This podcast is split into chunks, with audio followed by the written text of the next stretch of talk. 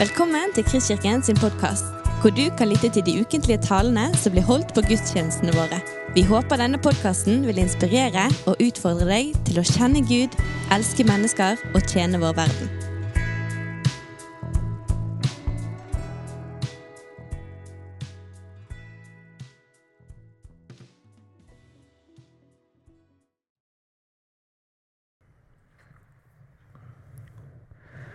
Så er det mange i dag som eh, er veldig flinke og kommer hit med munnbind.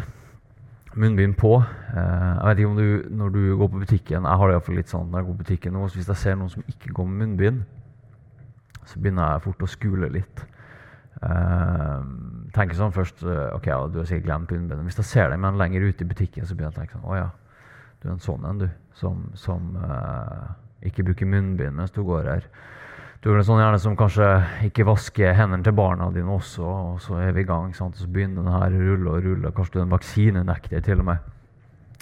Men merk deg hvor fort det setter seg det her når det kommer sånne Nå det jo, har vi til og med med noen påbud å gjøre, men det er jo sterke normer i samfunnet vårt akkurat nå om hva som er rent og urent, og hvordan vi skal oppføre oss. Med en gang noen krysser dem litt, så våkner det her Jeg skulle ikke si bygdedyret, men det er kanskje bydyret. Uh, som, som, tenker at ok, du, du, du, er ikke konform med gruppen. Og la det si sånn, Jeg mener vi skal være konform med gruppen, for det her har med helse å gjøre.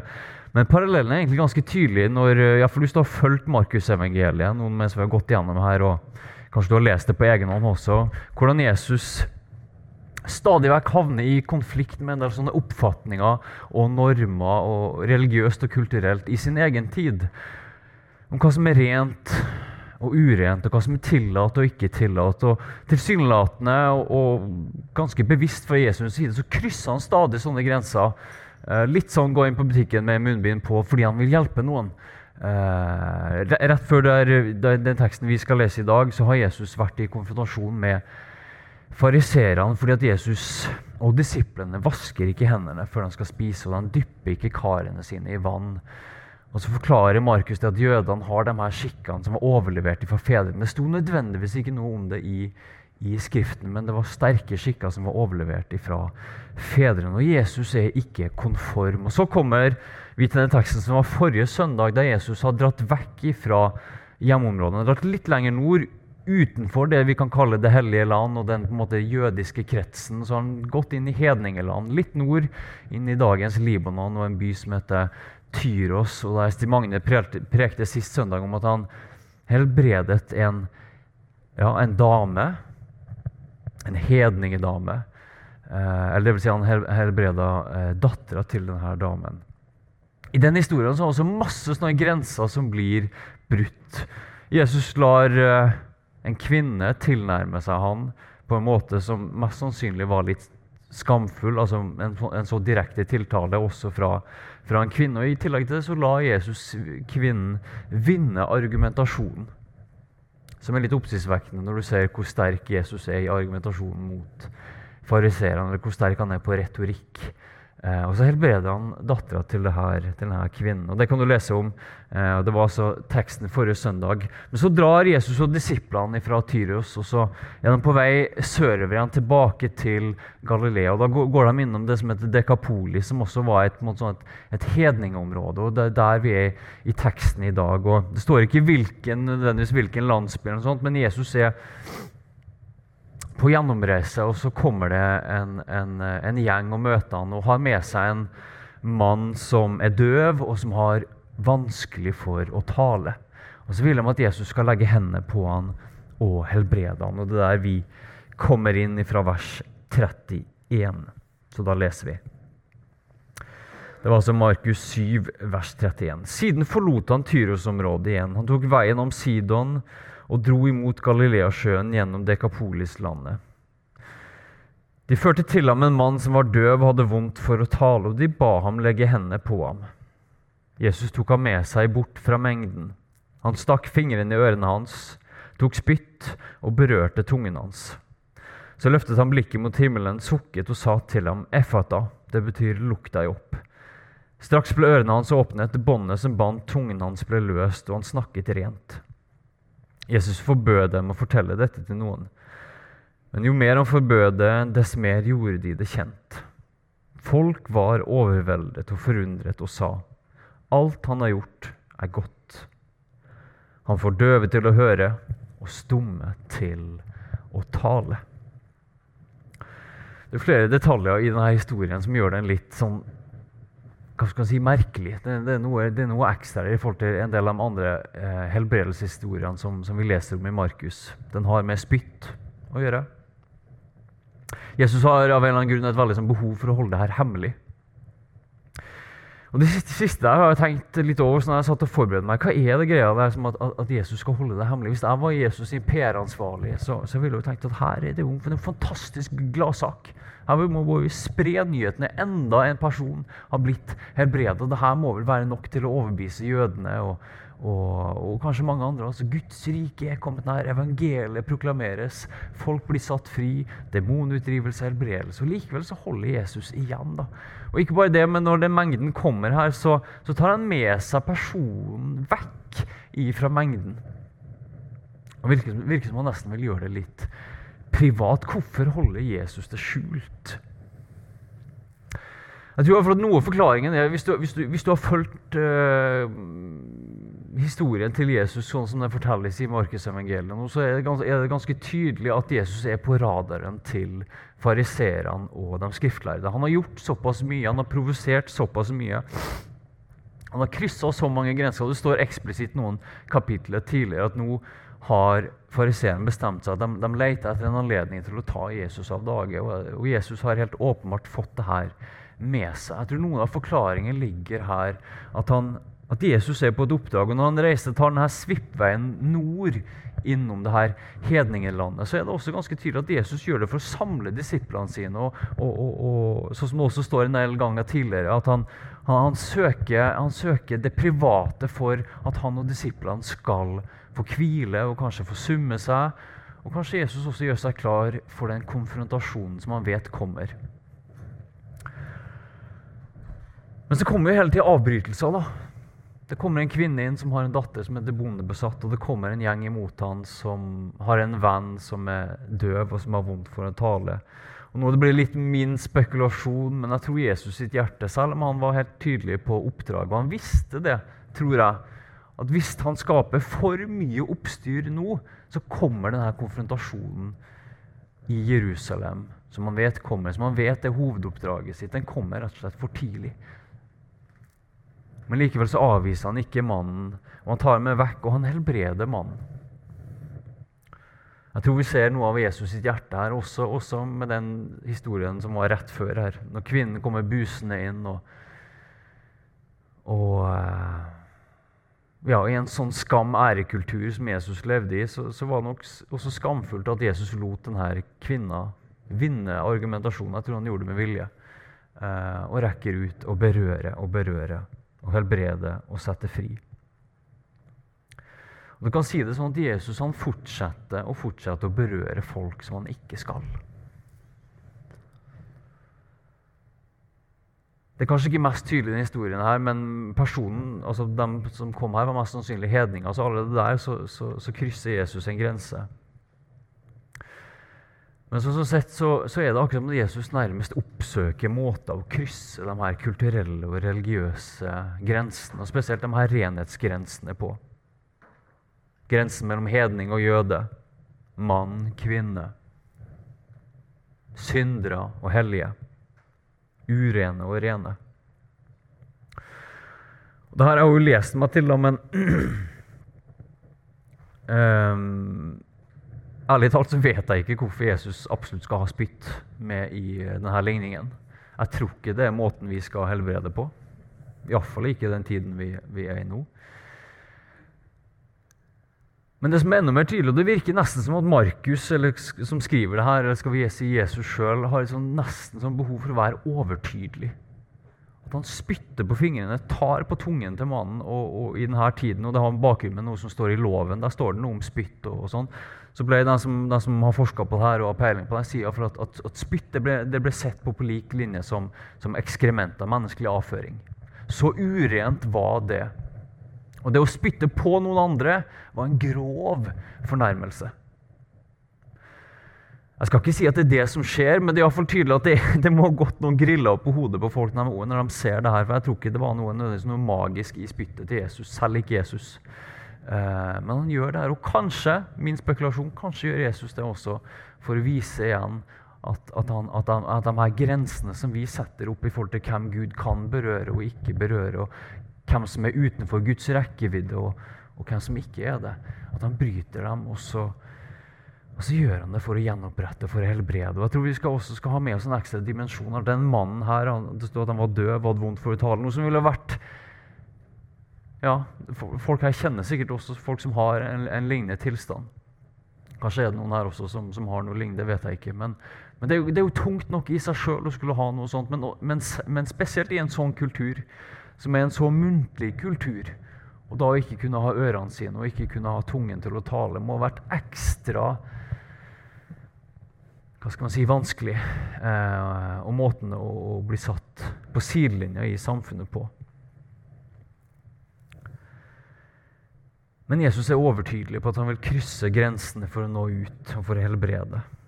Og så er det igjen det her at på en måte fariserer han sin logikk, som hele tiden er det her hva skal jeg si, smittevernet. At, at man, må, man, må, hele tiden passe seg for det som er urent, så man ikke blir smitta av det urene Krasje igjen og igjen med Jesus sin logikk om at det, Jesus på en måte smitter med sin renhet.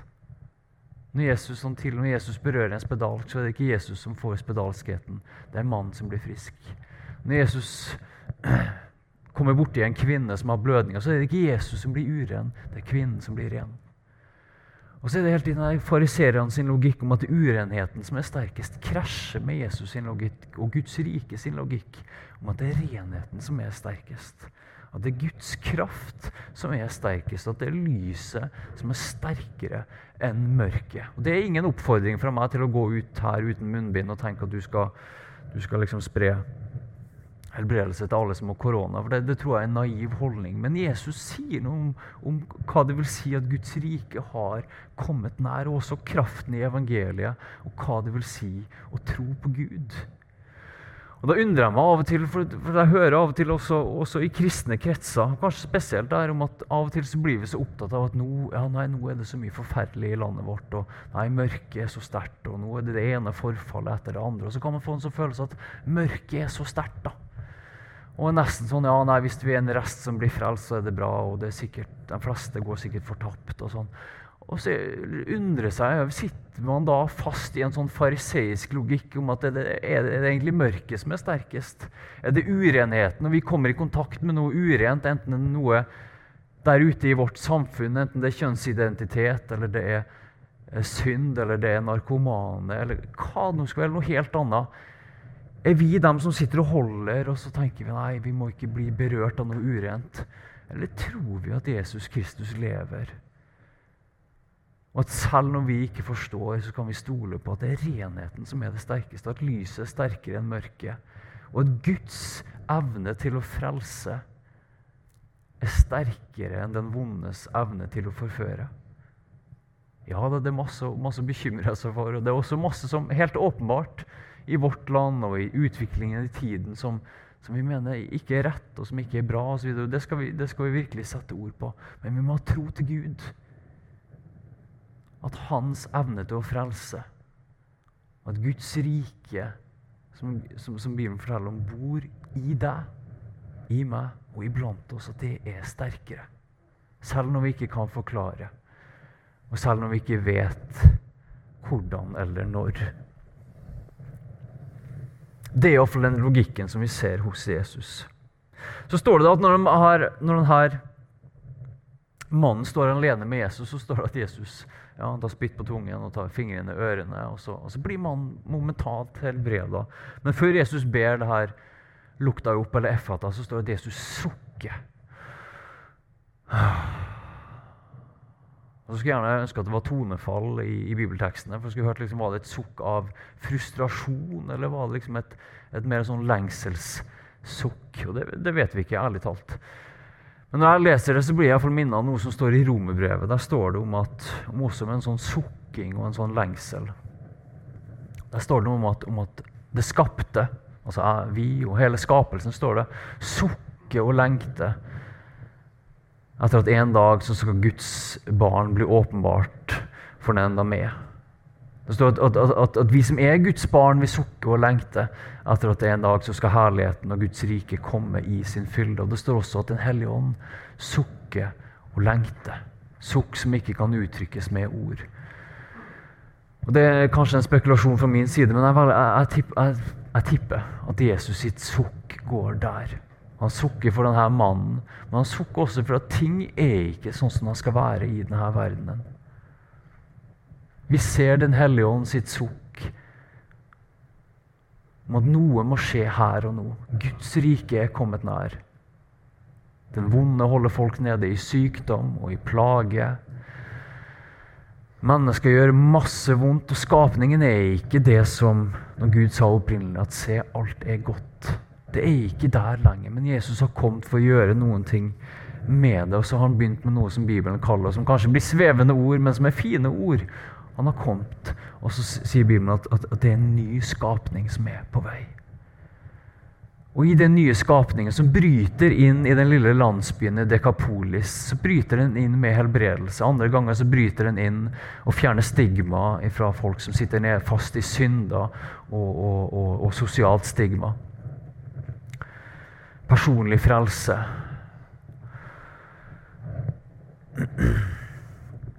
Når, når, det da er sånn at, at, Guds rike bryter inn med helbredelse, så, så klapper jeg. Jeg jubler. Jeg syns det er fantastisk. Og så syns jeg også det er litt vanskelig. For det på en måte så hadde det vært litt lettere om Jeg kan også sagt litt sånn fra hofta det her, men det på en måte vært lettere hvis det ikke skjedde noen ting i dag. For da kunne jeg bare sagt nei, det var bare på den tiden. Det var bare at Jesus var der, og så helbreda Gud da. men og Da trengte vi liksom ikke å tenke så mye mer på det nå, men, men jeg tror eh, meg, altså jeg, jeg tror flere her også har, måte, har sett for mye av at folk blir hva skal man kalle det, overnaturlig bra. Fra sykdom og fra, forferdelige ting, egentlig. Folk blir helbredet. Jeg har til og med sett det sjøl. Jeg husker når jeg flytta til Bergen. Dere som ikke kjenner meg, så hører at jeg er trønder og heier på det riktige fotballaget. og sånn, men men når vi flyttet hit, så var det for å begynne på bibelskole. Jeg husker Den første turen vi hadde ut, så, så, så skulle vi skulle be, be, for, uh, be, for, noen vi møtte. og Jeg hadde aldri bedt for noen som ikke var kristne, om å bli friske. og Jeg kan ikke verifisere det, men den ungdommen som jeg la hendene på, det var en så enkel ting. Han sa han hadde vondt i kneet, jeg la hendene på han, og han, han så på meg med forskrekka øyne. For han hadde ikke vondt etterpå. Uh, jeg har sett folk i, i, i, min, i min, storfamilie som har blitt virkelig helbreda med håndspåleggelse. Vi har sett det også her i menigheten. Og samtidig, og, det, og det, la det komme mer, la vi få alt vi kan. Alt vi kan. Og jeg tror Bibelen også er kjempetydelig på at det er Guds vilje. Av og til så kan man ta en sånn snarvei i gudsbildet sitt, og så tenker man ja, ok, men hvis noen da forblir syke, så er det vel Guds vilje, da. Jeg skal også igjen si det litt fra hoften her, men jeg tror vi aldri må si det. For da skjærer vi en sånn brist i gudsbildet vårt. En, en nærmest uhelbredelig bilde i gudsbildet vårt. For da tar Gud med den ene hånden, og så gir han med den andre. Og så kan vi aldri helt være sikre på Guds karakter og hvem Gud er. Jeg tror Jesus viser veldig tydelig om hva som er Guds vilje. Men så må vi også snakke sant om det livet vi lever, og de menneskene vi møter. Og det er, sikkert, det er sikkert en historie for hver enkelt person som sitter her og hører på, og som, og som ser deg hjemme, at folk vi har lagt hendene på og bedt for, som ikke har blitt friske. Jeg har sjøl en tante som, som døde for noen år siden av en forferdelig sykdom som heter ALS var uhorvelig masse mennesker som ba for henne. Kjente kristne som la hendene på henne. Jeg skjønner ikke hvorfor ikke Gud helbreda henne. Hun var ikke gammel engang. Og Den spenningen må vi da leve i. Og Så kan man bla gjennom Bibelen sin for å prøve å finne fasitsvar om hvorfor noen blir helbreda og noen ikke. Det tror jeg ikke man finner. Og vi blir kanskje tvunget til å leve i den spenningen som vi må leve i Men så utfordringen vår er å si OK, Jesus, du lengta, du helbreda. og så står det at du sukker og lengter etter den nye skapningen. Og står det at Den hellige ånd sukker og lengter etter den nye skapningen. Ok, Da blir vi med på det sukket, og så lengter vi. Så lengter vi etter mer. Så mye som vi bare kan. Og så er det ikke alt vi kan forklare, og det må vi heller ikke prøve å forklare. Men så sier vi Hellige ånd, vi lengter. Det sukket og den lengselen du har etter at din gode skapning skal få gjenopprette igjen, den blir vi med på.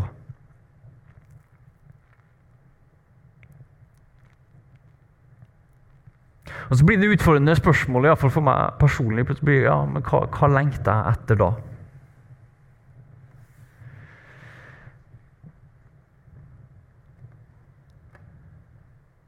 For Hvis du en gang begynner å si ja, jeg lengter etter at, at det er Guds rike som Jesus representerer i denne historien, at det skal få komme med alt det det er, og at Gud skal få gjenopprette skapningen sin, sånn som, at det blir sånn som de her gjengen sa, og alt han gjør, er godt. Som jo er et ekko av når Gud skapte og sa alt er godt. Hvis jeg skal bli med på det, så må jeg, jeg merker jeg sjøl virkelig ransake mitt eget hjerte. Men hva lengter jeg etter? da? Lengter jeg etter det komfortable? Lengter jeg etter bil og hus og, og penger? Det er jo ikke noe galt i det, men, men, men, men hva lengter jeg etter? For jeg tror det at, ok, skal vi, skal vi se noe av det, av det Jesus så så blir det jo også en sånn logisk slutning at da må vi også på en eller annen måte greie å formidle Guds rike på en måte som Jesus gjorde også. Det er ingen enkel sak. Så som Elin innleder med, så har vi fått Den hellige ånd som skal hjelpe oss med det. Men jeg tror ikke det finnes noe mer meningsfullt enn å si det til Gud. Men Gud, du holder på med noe. Ja, vi skal se det en dag fullt ut, og jeg tror det håpet er så godt. Spesielt dere her inne som kanskje sitter med kanskje ekstra tunge historier der folk ikke har blitt helbreda, eller der sorgen eller ondskapen har fått gått inn og stjålet og tatt så mye. da. At det kommer et håp der framme hvor alt skal bli gjenoppretta. Hvor det skal komme en helt ny skapning. Fabelaktig viktig. Og så blir det også å holde fast på det at Gud vil lengte etter at noe av det skal skje nå også. Da mener jeg ikke bare helbredelse. Da mener jeg hele pakken.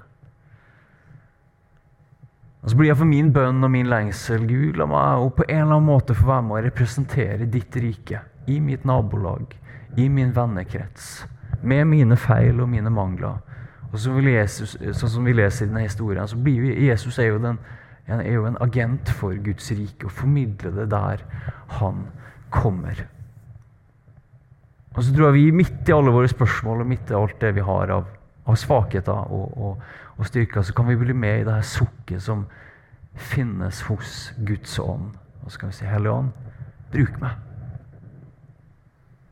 La han få, få ha dypere lengsler, liksom en, en, en ny bil og et komfortabelt liv. La han få ha La få være med deg, Hellige Ånd, og lengte etter at Guds rike skal komme i mitt liv, i mitt nabolag, i min familie. Og Det er på en måte den, den, tyngste bønnen du kan be, og på en måte den letteste. For Jesus sier at å gå med Han er en lett byrde, og samtidig den tyngste byrden. For, Jesus krever jo på en eller annen måte alt også. Jeg tror det mest meningsfulle vi kan gjøre, å bli med på det her. Det som Gud holder på med. Som ser et glimt av her. Og som Gud holder på med nå også. Noen ganger ser vi det masse, noen ganger ser vi det mindre. Men Gud, bruk meg. Fyll meg. La meg være en formidler, en agent, for ditt rike.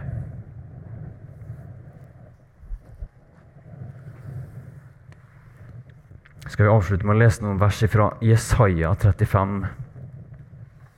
Eh,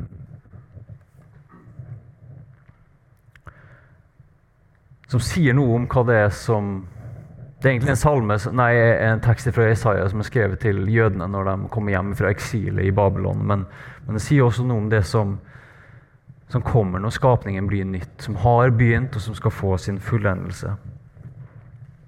Jeg leser fra Jesaja 35, vers 5. Du kan bare høre på. Da skal blindes øyne åpnes, og døve ører lukkes opp. Da skal den lamme springe som en hjort, og den stummes tunge skal juble. For vann bryter fram fra ørkenen og bekker i ødemarken. Glødende sand blir til innsjø, og det tørste land til kilder med vann. Sjakalers boplass blir et hvilested hvor gresset gror mellom rør og siv. Og der skal det være en vei, den hellige vei skal den kalles. På den skal ingen uren ferdes, den skal være der for dem. Ingen som går på veien, selv ikke dårer, skal gå seg vill. Men der skal det ikke være noen løve, rovdyr skal ikke gå på den, de skal ikke finnes mer. Men de som er løst ut, skal gå, skal gå der, de som Herren har fridd ut, skal vende tilbake. De kommer til Sion med jubel, med evig glede om sin panne. Fryd og glede griper dem, og sorg og sukk må flykte. Du skal få uh, reise deg hvis du, hvis du, kan, og så skal vi bare avslutte med en kort bønn. Men, bønn. Men jeg har lyst til å bare utfordre deg på, på to ting. Når jeg leder oss i en, i en felles bønn nå. Det, nummer én er det ett område i livet ditt hvor du lengter etter at Gud griper inn. Og nummer to er det ett område, eller er det på en måte at du lengter etter at Gud skal få bruke deg og formidle sitt rike til andre? Er det noe du lengter etter at Gud skal gripe inn i i ditt liv? Og finnes det en måte som du lengter på etter at Gud skal bruke deg?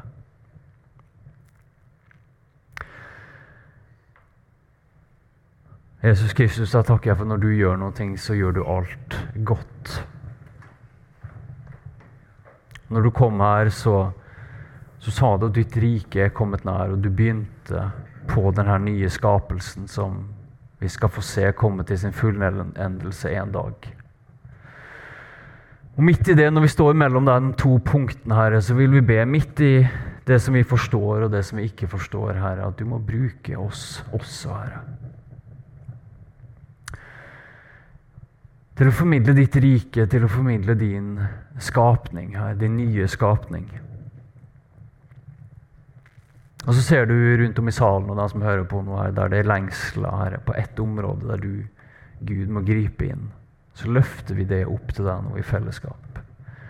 Ber om at du skal komme med din hånd og din ånd, Herre, og gripe inn. Berøre, Herre. Enten det er fysisk eller åndelig eller sjelelig eller mentalt, uansett hva det er, eller relasjonelt eller økonomisk, så ber vi om at du skal gripe inn, Herre. I våre liv, Herre, sånn at vi kan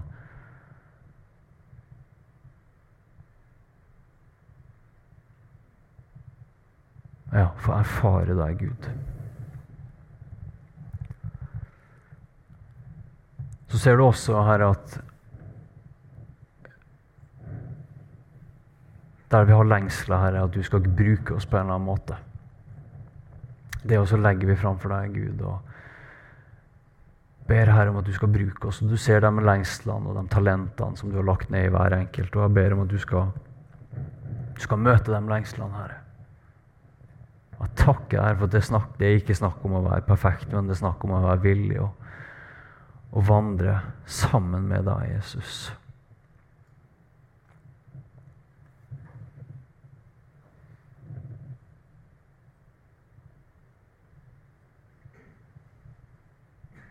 Så kom med din nåde, Herre. Kom med din fred, Herre. Kom med din kraft, Herre.